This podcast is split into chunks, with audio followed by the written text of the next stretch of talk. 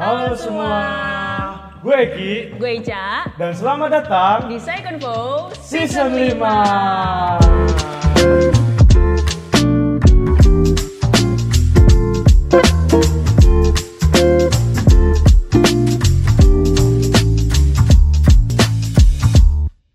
Hai Convert. Halo Second Vow Gimana nih kabarnya? Gimana gimana ya kabarnya ya? Ya semoga sehat dan bahagia selalu ya. Iya benar banget.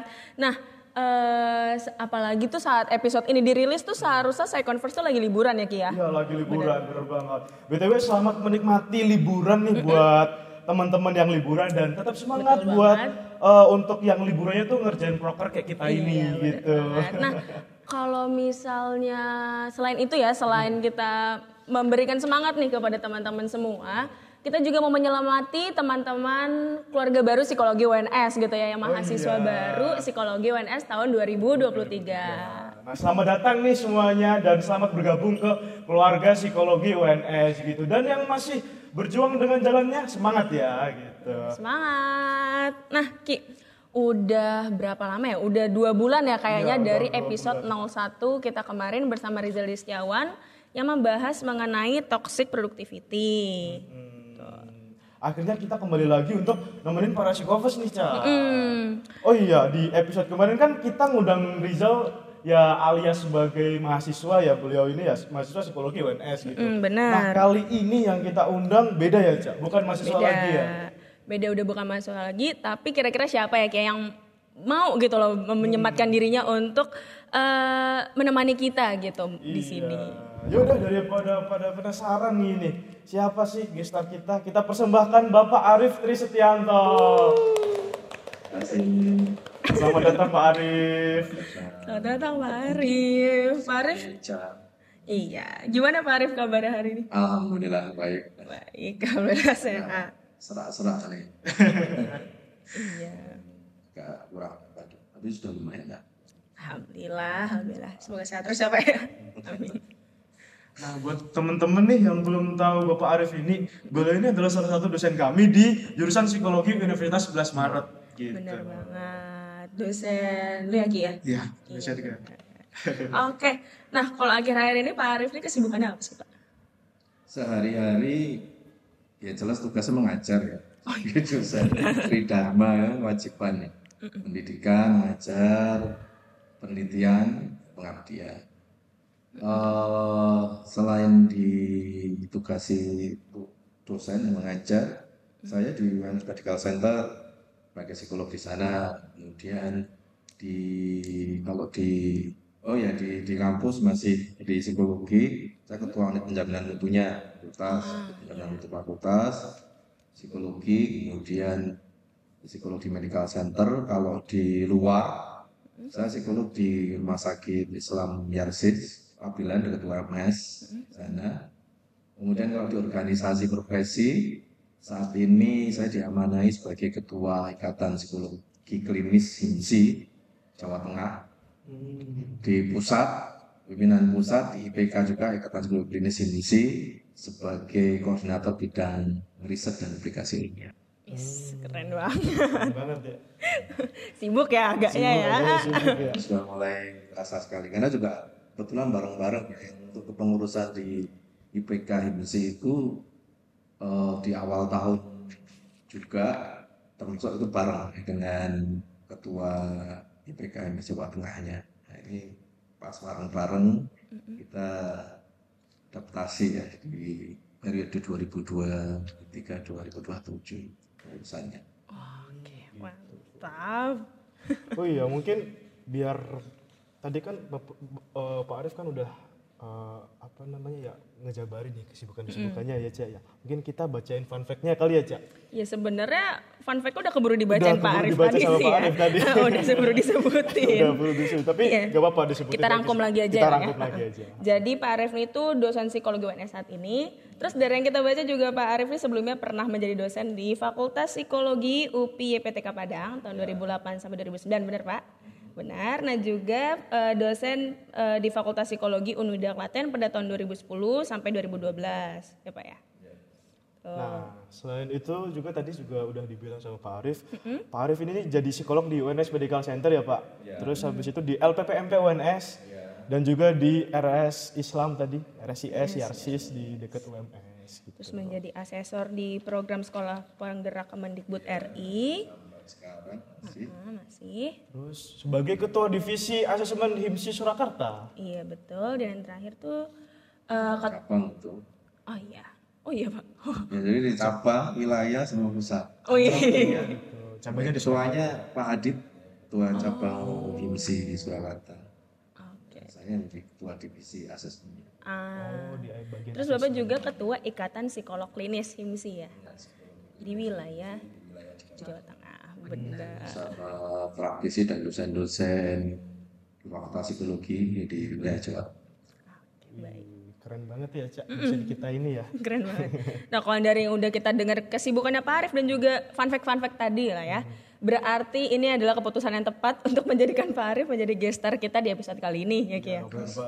Banget. Karena di episode ini kita akan membahas soal masa depan mahasiswa psikologi. Benar, sarjana psikologi mau, jadi, jadi apa, apa sih? gitu. Nah, pada episode kali ini tuh eh, kayaknya pas banget untuk teman-teman yang sepantaran kita gitu ya, yang angkatan kita yang masih tahun pertama di psikologi yang masih bingung gitu mau jadi apa sih nanti setelah sarjana mau ngambil apa gitu ya. Masih untuk bingung gitu. ah, untuk mahasiswa baru juga yang baru-baru masuk juga kan baru masuk nih masih mikir-mikir lah ya Ki ini anak apa nanti ditanya sama tetangga sama tantenya abis psikolog jadi apa? jadi apa sih gitu ya mungkin semoga di episode ini bakal menemukan jawabannya ya Ki ya Iya. Ya bener banget. Soalnya nih dari yang kita tahu nih kan bidang psikologi kan ada banyak nih. Ada pendidikan, klinis, sosial dan juga eh, pio gitu. Mungkin bisa langsung kita tanya nih sama Pak Arif gitu. Tiap eh, beda tiap bidang-bidang psiko- psi- psikologi itu apa sih Pak? Dan kerjanya tuh nanti bedanya tuh apa kayak gitu? Ya, eh, sampai saat ini ya untuk bidang bidang-bidang di psikologi itu sebenarnya kalau kita mengajunya dari luar itu banyak ya. Teman-teman sudah tahu di pengantar psikologi umum ya bidang-bidang pekerjaan, bidang-bidang profesi yang ada di eh, keilmuan psikologi. Cuman eh, sampai saat ini yang dikatakan bidang yang sifatnya profesi kan ada sains, ada profesi ya. Yang profesi itu sampai sekarang ini baru ada tiga ya, itu bidang klinis, bidang psikologi industri organisasi, dan bidang eh, pendidikan. Nah, tiga bidang itu sebagai eh, profesi yang masuk ke dalam kurikulum resmi ya, sampai saat ini. Baik yang di kurikulum magister, eh, kurikulum lama, eh, dulu magister profesi seperti saya itu angkatan 2000, 2005, magister profesinya. Eh, sampai sebelum diterbitkannya UPLP tahun kemarin 2022. Nah, itu masih masih mengacu kurikulum yang terakhir magister profesi. Jadi magister profesi magister pro- magister profesi psikologi itu eh, ada tiga bidang peminatan ya, atau mayuring menyebutnya. Eh, bio sebagai industri organisasi, kemudian psikologi klinis dan psikologi pendidikan. Nah, ada yang membaginya lagi psikologi klinis anak dan dewasa, anak remaja dan dewasa. Eh, seperti contohnya kemarin itu ada di Fakultas Psikologi UI, karena tidak semua itu dibagi dua menjadi dua dua jurusan gitu ya. Ya, tapi secara mayoringnya tiga itu, mayoring psikologi klinis, kemudian bio dan pendidikan. Nah, sampai sekarang ini. Jadi sosial itu tidak termasuk profesi. Psikologi sosial itu tidak termasuk profesi. Perkembangan itu juga tidak termasuk profesi. Nah, itu merupakan kajian eh, sains ya atau eh, menjadi apa namanya eh, dasar termasuk termasuk kajian teoritik dasar. Jadi tidak dimasukkan dalam profesi. Entah nanti ke depan akan apakah akan bertambah profesi itu nanti dilihat setelah UPLP ini. Nah, ini UPLP itu bisa diibaratkan sebagai pijakan awal kita saat kita dibukakan eh, kita dibuka eh, kembali istilahnya apa ya secara resmi secara legalitas yang dilindungi secara hukum, karena undang-undang itu kan kaitannya dengan peraturan hukum dari pemerintah. Nah, akan lebih jelas lagi seperti halnya undang-undang kedokteran, undang-undang hukum, undang-undang ekonomi yang sebelumnya sudah ada. Nah, termasuk psikologi itu karena kita juga baru di Indonesia termasuk disiplin yang baru ya.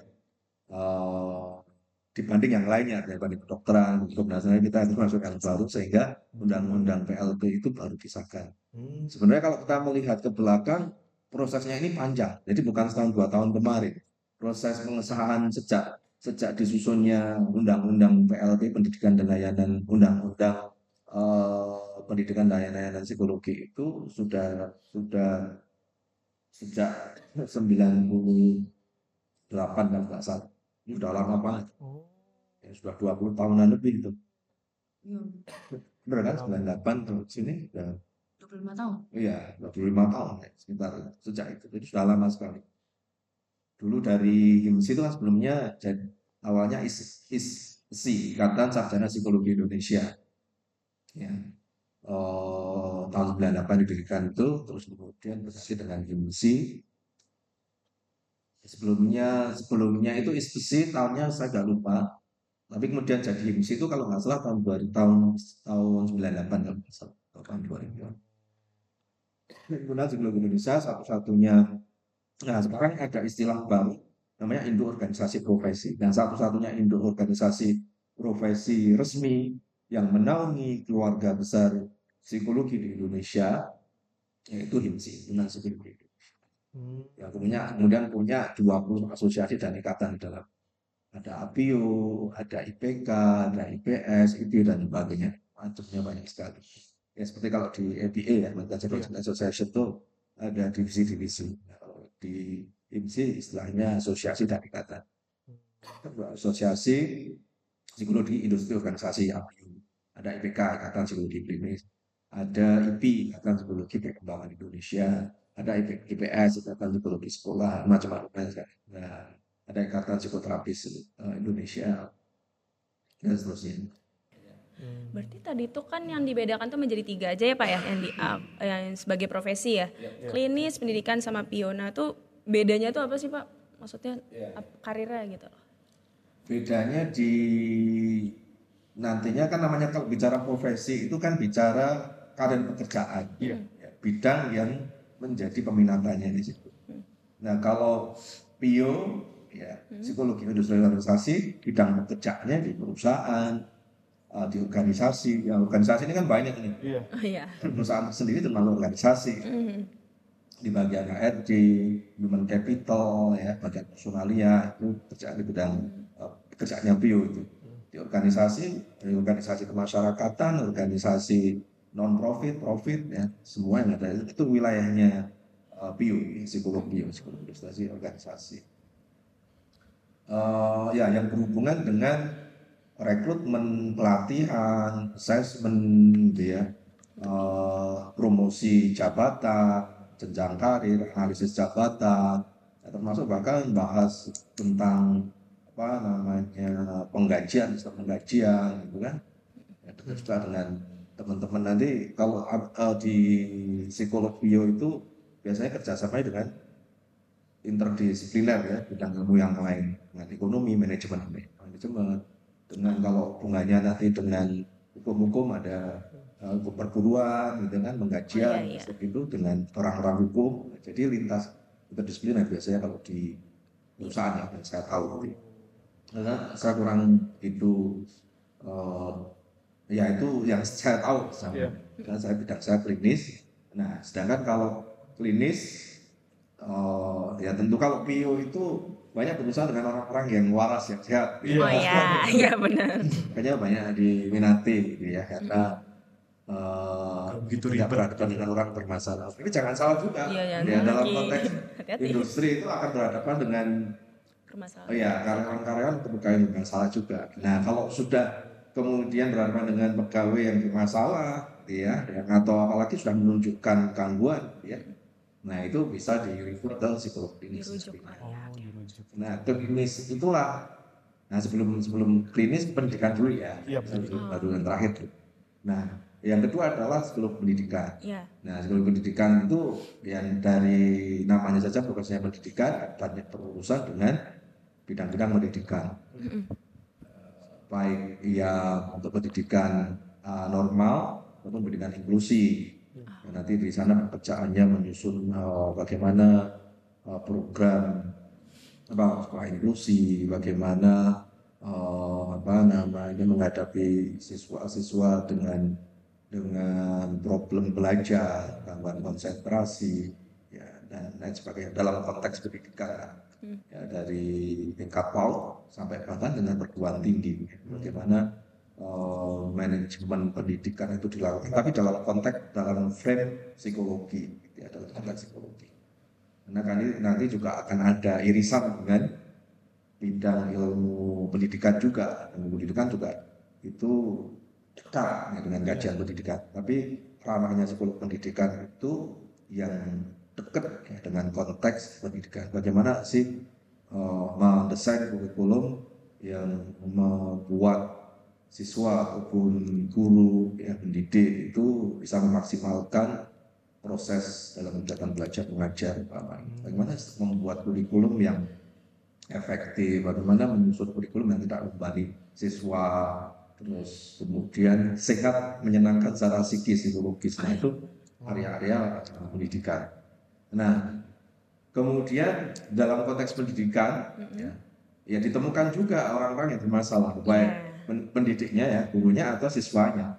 Nah sama aja dalam konteks bio juga ditemukan karyawan atau pegawai yang bermasalah. Nah kalau sudah mengarah ke gangguan ke disorder ya mengalami kecemasan mengalami stres kerja yang berat dan bahkan sudah menunjukkan misalkan gangguan spesifik ya kecemasan, gangguan depresi.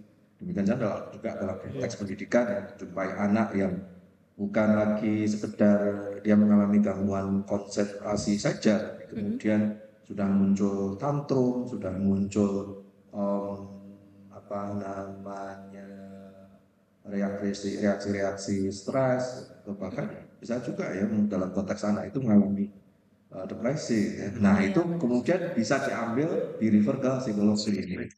Nah, itu. Nah untuk itu maka psikolog klinis itulah yang ya bisa dikatakan sebagai muara ya masalah. Kalau dalam konteks pendidikan, dalam konteks bio, tapi orang sehat, orang-orang yang bisa dioptimalkan secara potensi, secara kompetensi. Nah, kalau dalam konteks klinis, ya, klinis berhubungan dengan orang-orang sakit, orang-orang bermasalah, ya, baik nanti upaya dalam konteks preventif, promosi kesehatan, pencegahan, ataupun kuratif, ataupun rehabilitatif, dan ditambah lagi paliatif. Paliatif itu yang paling berat, ya, karena berhubungan dengan penyakit-penyakit terminal yang tidak bisa disembuhkan, ya, HIV, HIV AIDS, eh, apa namanya, eh, stroke, ya, jantung, ya, kemudian berat, ya, penyakit-penyakit berat seperti itu, tentu pendampingan khusus. Eh, masuk paliatif, masuk berat. Nah itu psikolog klinis ya. Nah, psikolog klinis mendapatkan limpahannya dari, dari dari bisa jadi dari bio, bisa jadi dari dalam konteks pendidikan atau yang lain. Pokoknya yang berhadapan dengan orang-orang sakit mental, gangguan jiwa. Dalam prakteknya, psikolog klinis bisa di banyak tempat, di RSC atau di rumah sakit umum yang ada polipsikologinya, gitu ya. Kemudian ada eh, bisa buka praktek mandiri, gitu ya sebagai konselor, sebagai psikoterapis, uh, dan bekerjasama. Kalau tadi bio tadi dekat dengan kalau interdisipliner ya dekat dengan orang hukum, dengan manajemen. Kalau psikolog pendidikan itu dekat dengan ya teman-teman pendidikan ya, guru, ya alumni-alumni dari sarjana pendidikan.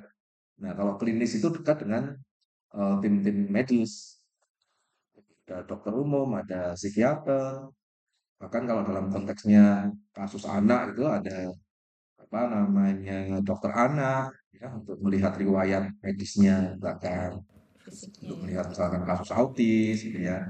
Ataupun eh, yang lain kasus eh, Down syndrome dan lain sebagainya. Itu perlu dilihat riwayat medisnya seperti apa. Sehingga kan perlu tahu dokter anaknya informasi dari dokter anak.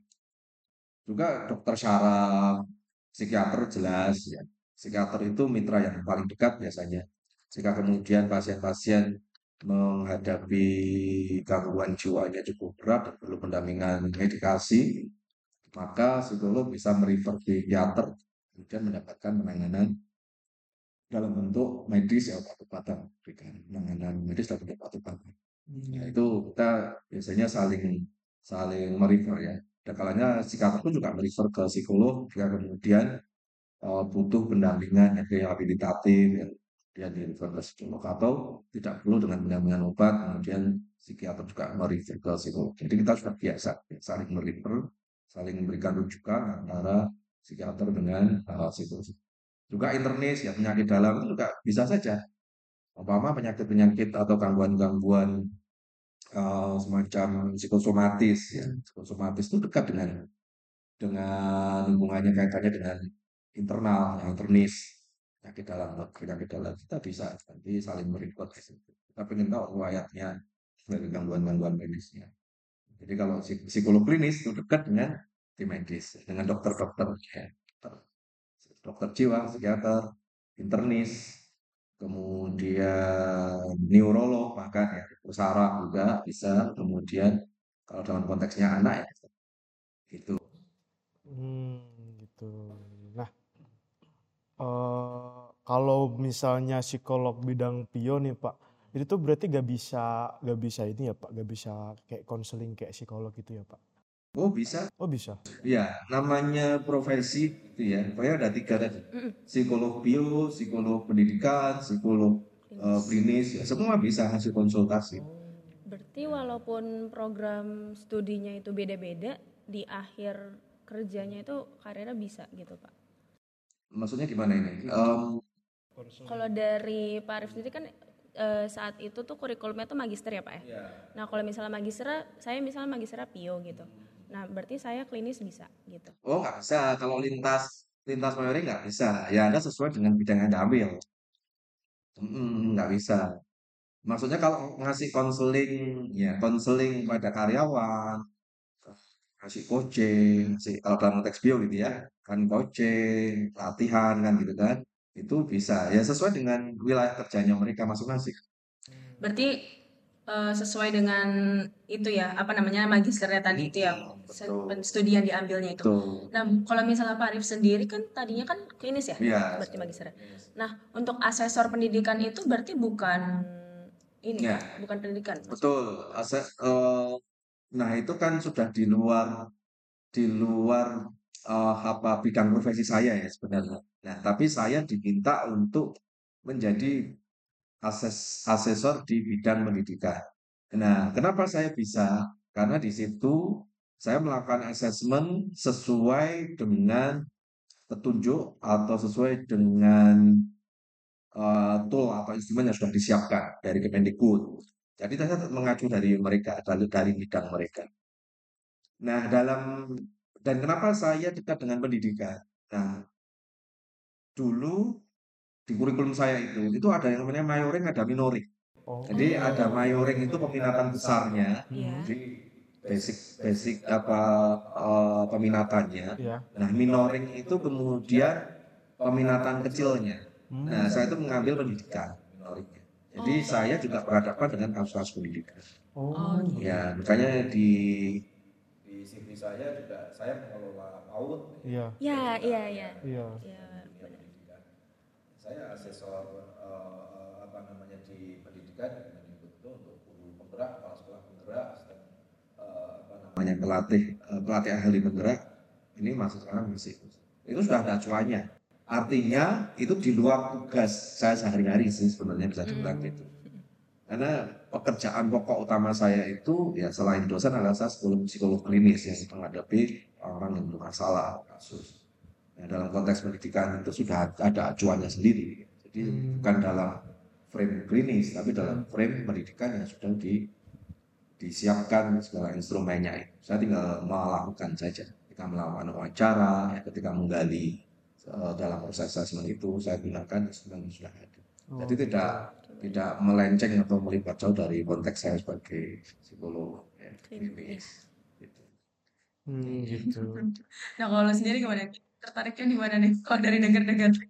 sebenarnya gue masih bingung sih cak kayak karena itu kan bidang bidang bidangnya kan banyak tuh dan kayaknya menarik semua nih Hmm. gitu jadi kayak masih banyak pertimbangan lah yang pengen gue putusin gitu untuk ya untuk mutusin sesuatu gitu Nah, saya punya pengalaman nih, Ica sama Egi ya. Saya punya pengalaman waktu saya dulu S1.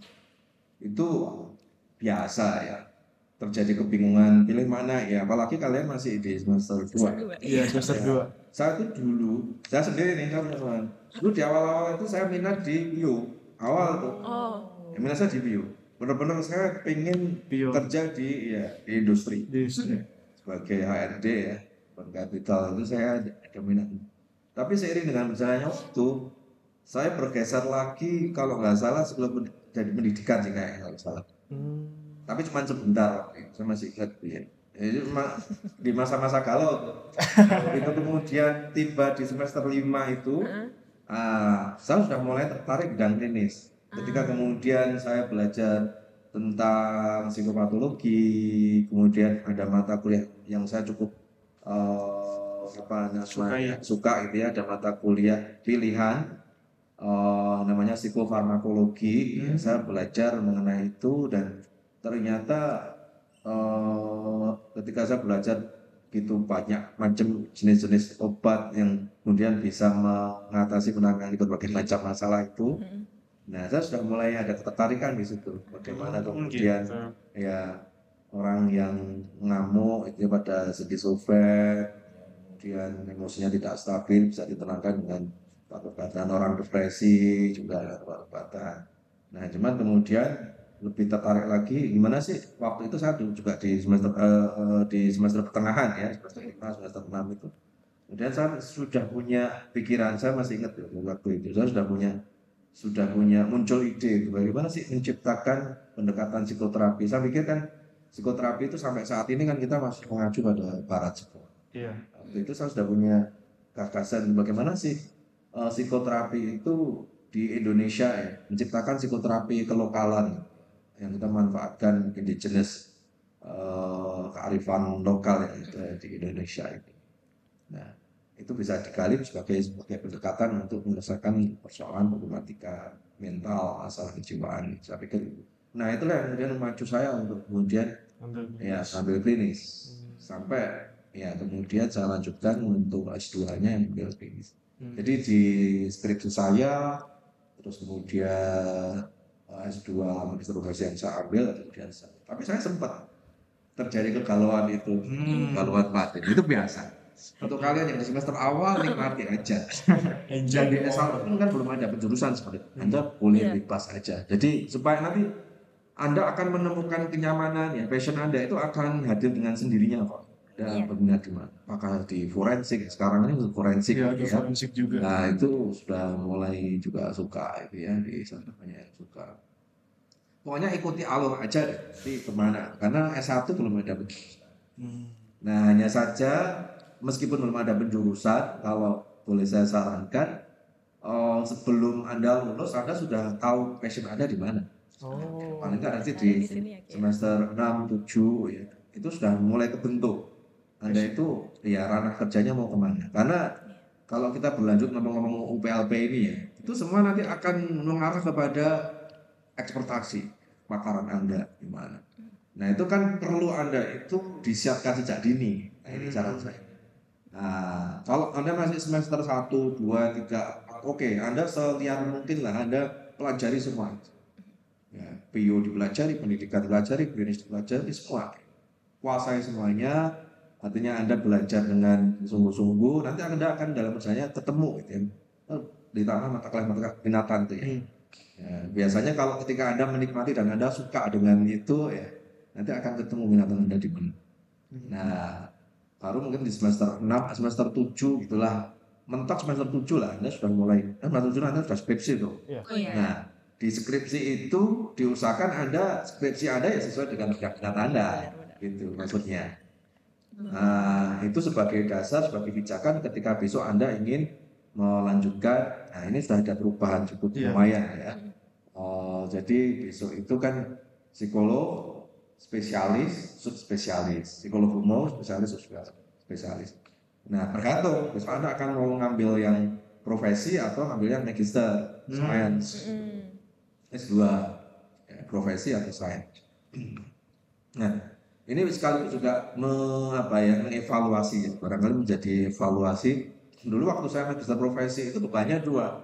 Ya berhadapan dengan kasus, praktikum, tapi juga harus menyelesaikan tesis. Oh. Juga penelitian, itu yang menjadi beban sendiri. Nah sekarang sudah enak. Anda mau menghadapi kasus atau riset, makanya diarahkan. Kalau Anda tertariknya riset, ya akademisi larinya, peneliti ngambil magister science, dua. S2-nya. S2-nya. Atau Anda arahnya profesi. Kalau Anda arahnya ingin jadi psikolog, ya jadi praktisi, psikolog ya ambil yang eh, profesi. Ah, iya. Ya, karirnya di mana? Nah, untuk itu maka besok waktu Anda sudah menjelang lulus, ya, kerjakan skripsi, Anda sudah punya bayangan tuh. Saya ingin berkarir sebagai akademisi, sebagai peneliti, atau saya ingin jadi psikolog. Nah, itu sudah harus ada gambaran. ya. Mestinya baiknya gitu ya, idealnya gitu. Supaya nanti jelas karir Anda. Gitu, ya, psikolog. Karena arahnya kan hampir mirip nih dengan dokteran ya. Dokteran kan dokter umum lulus, jadi psikolog umum gitu lulus. Ya.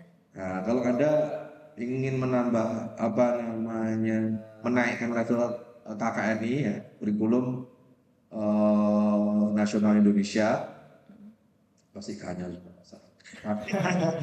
kualifikasi kualifikasi eh, kerangka kerangka kualifikasi nasional Indonesia. Oh. Apa tuh? Kerangka kualifikasi nasional KKN. Jadi KKN itu level KKN itu yang mensinkronkan hubungan dunia kerja dengan dunia akademik. Artinya ada levelingnya. Ya. Eh, SMA itu lima ketua SMA SD lulusan gitu ya. Nah S1 itu levelnya level 6 Oh, di ya atas level itu. 6 ya. Kemudian kalau eh, profesi atau S2 itu level 7. Kemudian lulus lulus lulus psikolog umum atau S2 mag- magister science tadi itu level 7. Anda jadi spesialis ya profesinya spesialis itu level 8. Oh. Ya, level 8. Terus kalau eh, subspesialis itu level 9. Nah, kalau di sains itu setara doktor. Dokter itu levelnya level 9. Nah, subspesialis itu juga level 9 meskipun S2 ya. Tapi kalau ngambilnya besok saya nih, saya ini sekarang ini kalau dikonversi dengan UPLB di Indonesia belum ada yang psikolog spesialis. Semuanya masih umum. Oh. Gitu, masih masih- umum. masih umum. Masih umum. Ya. masih umum. Dengan adanya UPLB ini, ini kan sekarang sedang dalam proses. Ini Iya. ad hoc untuk penyusunan kurikulum semua juga baru baru berjalan semua ini. Targetnya bulan Juli Agustus inilah. Ini jadi masih hangat banget. Sekarang Iya. digodok di PPMC. Ada tim ad hoc penyusunan kurikulum itu. Nah, itu itu disesuaikan. Nah, eh, karena berhubung kami lulusan lama, gitu ya, lulusan lama yang kemudian di situ eh, sudah ada bidang peminatan dari mayorik tadi, ada bio, ada pendidikan, ada klinis. Nah, kami besok tidak perlu ikut kuliah untuk spesialis. Oh. Kami cukup ada yang namanya RPL, rekognisi pembelajaran lampau, namanya istilahnya itu. Nah, kami nanti tinggal, saya belum tahu persisnya ya, karena sekarang lagi, saya lagi ini baru disusun. Tapi kabar-kabarnya ya nanti cukup mengumpulkan portofolio dari kegiatan aktivitas sebagai profesi psikolog klinis itu atau psikolog bio. KKN-nya naik Iya, level, iya. Eh, sekarang secara apa ya namanya, secara de facto-nya sudah sudah level 8 saya. Oh, Tapi tinggal kemudian pemenuhan administrasi ya secara hukum ya ya itu yang kemudian nanti harus menyesuaikan dengan dengan mengumpulkan tadi portofolio portofolio tadi untuk diakui sebagai eh, apa eh, RPL tadi ya. Apa namanya rancangan pembelajaran lampau itu. Jadi psikolog klinis. Nah, jadi psikolog klinis psikolog bio psikolog pendidikan itu masuk level spesialis hanya saja sampai sekarang ini ya sejak terbitnya UPLP tahun 2022 kemarin itu di Indonesia belum ada psikolog spesialis. Semuanya psikolog umum. Baik yang senior atau junior ya sama-sama. Yang sudah ngambil yang sudah mengambil program master profesi cuma 10 umum. Nah, di klub umum semua. Sudah magister. Ya, yang sudah lulus ya, yang sudah lulus. Sudah lulus sebelum PLP Oh. terbit. Ya. Nah, sekarang ada yang masih studi, tapi kan sejak PLP itu diketuk ya resmi. Ini kan semua penyelenggara pendidikan tinggi psikologi di Indonesia kan kemudian di di skip semua ya, diberhentikan untuk sementara waktu karena harus menyesuaikan. Nah, itu nanti akan ada ikut aturan baru. Nah, yang sebelum termasuk Anda, belum termasuk nanti ikut aturan. Nah, kami yang eh, sudah jadi psikolog sebelum PLP itu itu nanti menyesuaikan yang dari PL ini. Jadi tidak perlu buat pendidikan lagi. Jadi hanya ikut untuk eh, ya secara administratif tadi. Tinggal saya nanti melanjutkan yang subspesialis. Nah, spesialisnya arahnya tadi eh, jadi jenjangnya kan kalau dari profesi psikolog umum spesialisnya itu bio pendidikan terus Spesialisnya? Spesialisnya? Nah nanti beda lagi. Ada kebetulan kan saya kemarin ditugasi dari PPIPK itu masuk tim ad hoc penyusunan kurikulum untuk yang klinis. Sebagai eh, spesialis subspesialis. Saya merancang itu yang subspesialis. Ada sembilan tim ad hoc untuk perancangan kurikulum. Oh ya Pak, mau nanya ini sebenarnya penasarannya saya aja sih sebenarnya. Kalau misalnya dari lulus nih kan S1 eh, psikologi, SPC nih 4 tahun kan kuliah. Nah itu untuk lanjut jadi psikolog umum tuh apakah saya harus langsung berkarir 2 tahun itu atau boleh skip dulu? boleh skip dulu oh, boleh skip dulu nggak harus langsung Ada batasan waktu kah? Kalau batasan waktu kayaknya nggak ada ya, sejauh ini belum ada, belum ada aturan baru. Boleh. Jadi nggak ada nggak harus langsung, misalnya anda lulus terus Kerja, langsung Langsung ambil ya. nikah gitu saya. Oh, dan nikah dulu. Nanti bis nikah suaminya diajak kuliah. Iya. Asal bedanya gini, kalau anda ambil yang profesi itu wajib psikologi lulusannya. Oh. Kalau yang sains boleh, non psikologi boleh. Jadi misalkan kemudian sains, kemudian sains S2-nya boleh, non psikologi boleh. Karena dari fisik, dari ekonomi, ngambilnya magister sains itu boleh. Lintas, konseling gitu bisa bisa aja. Boleh dari BK, gitu kan, boleh. Tapi kalau yang profesi wajib psikologi. S1-nya, ini kalau ada dari BK umpamanya, gitu ya, dia mau jadi psikolog, boleh, tapi syaratnya harus ngambil S1 dulu, dia ngulangi S1-nya dulu. Oh, gitu. ulang lagi 4 tahun. Iya. Banyak tuh. 8 tahun tuh. Lama Ya, ya? kan. Iya. Ada juga ya. Ada juga. Oh, iya, ada. Yang ingin jadi psikolog akhirnya dia harus ulang lagi. Tapi ya tidak semua universitas membuka program itu ya. Ada program namanya ada program apa sih eh, ekstensi ya, Iya. extension itu kelas sore atau siang beberapa universitas swasta ada masih seperti itu. Dia dia sudah lulusan ya tadi BK, SPD, ya itu di psikolog kan. Ambilnya ngambil psikologi lagi. Hmm, gitu. Oh iya. Oh iya Pak, akhir-akhir ini kan sering tadi kan juga udah di-mention juga soal UPLP ya Pak ya. Sering, itu kan juga jadi akhir ini kan jadi perbincangan banyak orang tuh Pak. Gitu. Tentang mengenai yang paling di-mention sama orang tentu mengenai kebijakan kuliah 6 tahun itu. Kuliah Pak? Kuliah 6 tahun gitu kalau misal mau jadi psikolog umum gitu kan. Untuk untuk ke profesinya gitu lah Pak. Nah, eh, apakah itu tuh diwajibkan sih Pak atau atau gimana sih Pak? 6 tahun gimana mas ya? 6 tahun itu sama S1-nya? Atau tidak? Oh ya kalau se- dari mana? Iya sama S1-nya. Ya kalau sama S1-nya itu kalau ada mau on time itu kan memang 4 tahun gitu ya. Satu. Hmm, iya.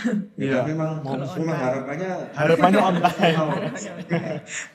kalau profesi ini sepertinya nggak sampai 2 tahun ya. Iya. Cuman saya belum berani memastikan karena sekarang sekali lagi ini masih proses. Karena ini kurikulum itu masih dalam proses semuanya. Ini kalau resmi sudah di launching bolehlah nanti saya sampaikan ya. Ini proses itu ada yang usul bahkan cuma satu tahun aja, ada yang kemudian satu setengah tahun. Karena nanti hanya berhadapan dengan baik kasus aja, jadi teorinya sangat sedikit sekali, hanya di pengantar aja. Ini hanya kasus, kasus, kasus itu. Hmm, gitu. Iya, jadi eh, tapi ada juga yang eh, usulan lain juga itu setahun di kampus, setahun di luar. Oh, Magang. di luar. Hmm, magang. Iya. Modelnya gitu. Jadi nanti akan dapat sertifikat eh, atau ijazah psikolog kalau dia selesai menyelesaikan magang di kalau magang di psikolog umum itu nanti semua dimakangi, di klinis dimakangi, bio dimakangi. Coba semuanya gitu. Iya. Persis kayak persis sebenarnya kayak dokter tuh loh. Oh iya Ya, sih Dokter bener. kan gitu, semua pasti kan juga dimakangi dia makan di poli saraf, poli jantung, poli anak gitu kan, poli kulit muter kan. Iya. Jadi psikolog juga gitu biasanya. Jadi Anda magang di beberapa tempat, di klinis, di konteks bio, di konteks pendidikan, semua magang kalian. Itu jadi belajar semua. Makanya ketika besok Anda lulus psikolog umum itu, Anda sudah punya gambaran pengalaman di klinis, dalam Oh, pendidikan, iya. dalam coba praktek langsung. Iya itu ya dan bisa boleh praktek langsung Anda bisa melakukan eh, konseling, treatment, pemberian intervensi boleh. Nah, ketika Anda ingin lebih expert lagi, lanjutkan ke program spesialis. Hmm. Nah, spesialis itulah baru kemudian menjadi keahlian Anda di sana atau menjadi stasi Anda di sana. Nah, Anda ingin mengambil spesialis klinis, spesialis bio, spesialis pendidikan. Eh, karena sebenarnya yang nanya ke yang pengen nanya ke Pak Arif tuh bukan cuma kita berdua Iya, doang ya Ki ya. Jadi mungkin kita bisa langsung aja masuk ke segmen Warta berita.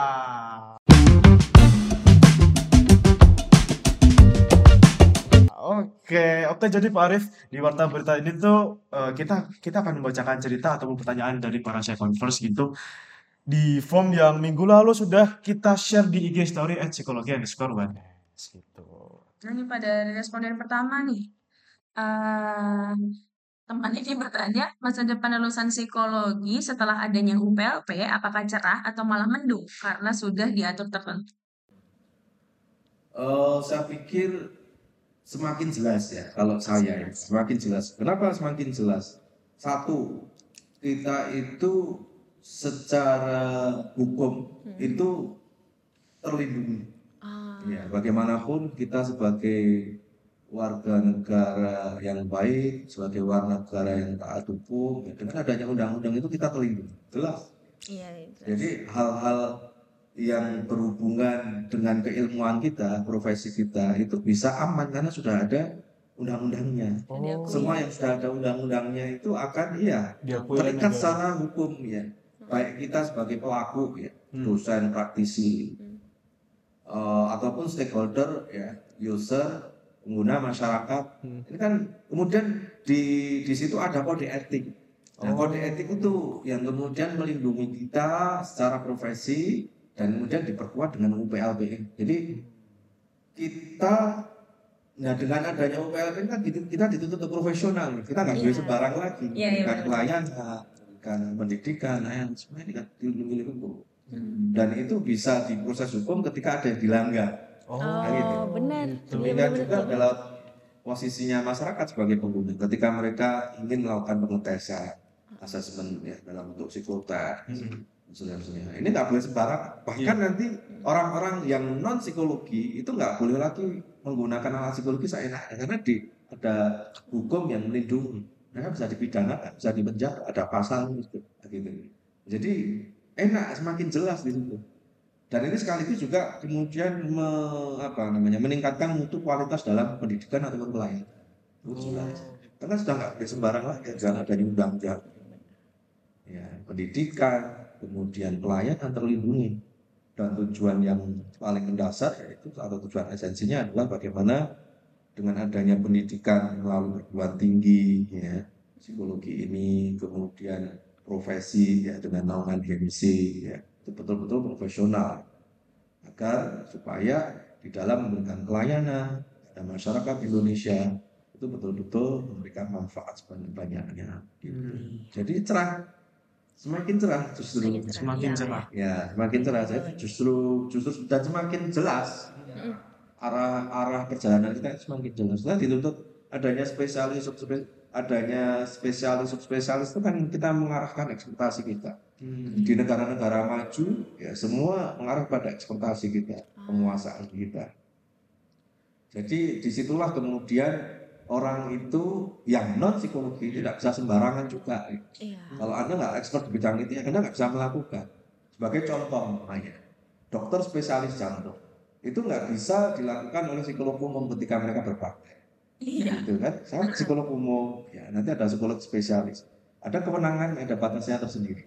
Jangankan kok eh, psikolog, gitu ya. jangankan kok masyarakat umum yang yang menggunakan atau disiplin non, non disiplin ilmu non psikologi. Orang yang disiplin ilmu psikologi aja nggak boleh sembarangan nantinya. Ada atur, situ, ada batasannya, ya kompetensinya masing-masing. Psikolog umum, spesialis, spesialis. Ya, sama seperti jadi dokter tadi ya, punya kewenangan sendiri. Nggak bisa sembarangan ya. Bahkan lintas profesi, lintas spesialis saja juga nggak bisa. Yang dokter anak menangani penyakit jantung, dokter jantung menangani penyakit anak. Itu itu tidak akan terjadi. Yang juga akan seperti itu Oh, ekspektasi kita itu mengarah kepada eh, apa namanya pendidikan kita itu mengarah pada ekspektasi yang dikuasai spesialis spesialis tadi jadi nggak boleh sembarangan nggak bisa sembarangan lagi ya. Apalagi non non psikologi Iya. mereka nggak punya dasar di non psikologi ya. nah itulah yang dikatakan profesional itu seperti itu. Dia Iya. betul menguasai secara teoritis secara keilmuan dan dia juga praktek dengan profesional. Jadi semakin terlindungi kita justru semakin cerah dan semakin indah insya Allah ya. Insya Allah semakin indah. itu ada lagi? Ada nih Pak, kita lanjut ke responden kedua, ke responden terakhir nih Pak. Hmm. Oke, ini kayaknya camaba deh Pak, atau calon mahasiswa. Baru gitu. Beliau ini bertanya gitu. Ada dua pertanyaan sih Pak. Kuliah S2 psikologi, psikologi itu susah gak sih Kak? Pengen jadi anak psikologi dan pengen jadi psikolog tapi takut kalau harus lanjut S2 habis lulus S1. Terus beliau juga bertanya, psikolog tuh banyak banget ya Kak hafalannya dan pakai bahasa Inggris ya gitu. Takut jujur aku tuh gak suka ngehafalin dan bahasa Inggris, tapi aku bingung kuliah jurusan apa. Alhasil aku kuliah jurusan psikologi gitu.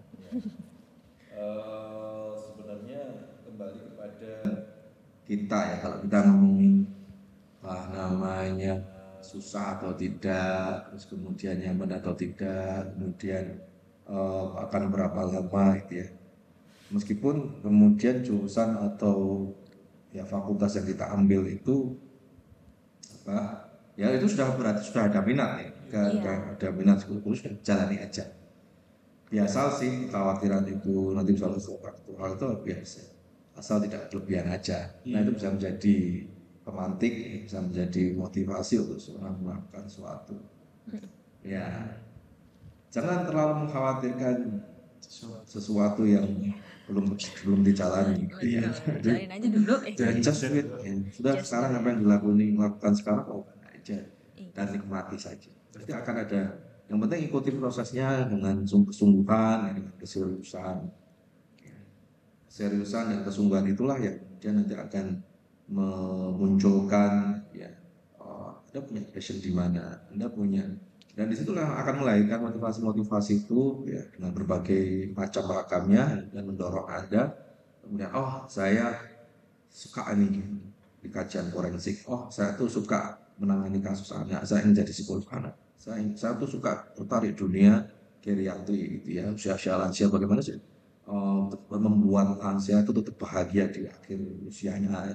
Macam-macam gitu kan. Ya kan menemukan mas. Iya, iya. yang penting sekarang nikmati aja jangan terlalu dihinggapi dengan khawatir Hmm. belum tentu khawatiran anda itu akan terjadi dan ya, jalani apa yang anda lakukan dengan dengan sebaik mungkin dengan cara yang terbaik dan dengan kesukaan Hmm. Aja Dan beliau nih, dan oh iya, dan beliau juga minta doa nih Pak, doain ya Kak supaya aku Oke. bisa jadi mahasiswa psikologi gitu. Dan semoga ini aku sudah apa ya itu apa ya Calon calon maba mungkin masih mau daftar psikologi. ya, ya semoga lancar studinya ya Iya. Amin. Masih ada Cak?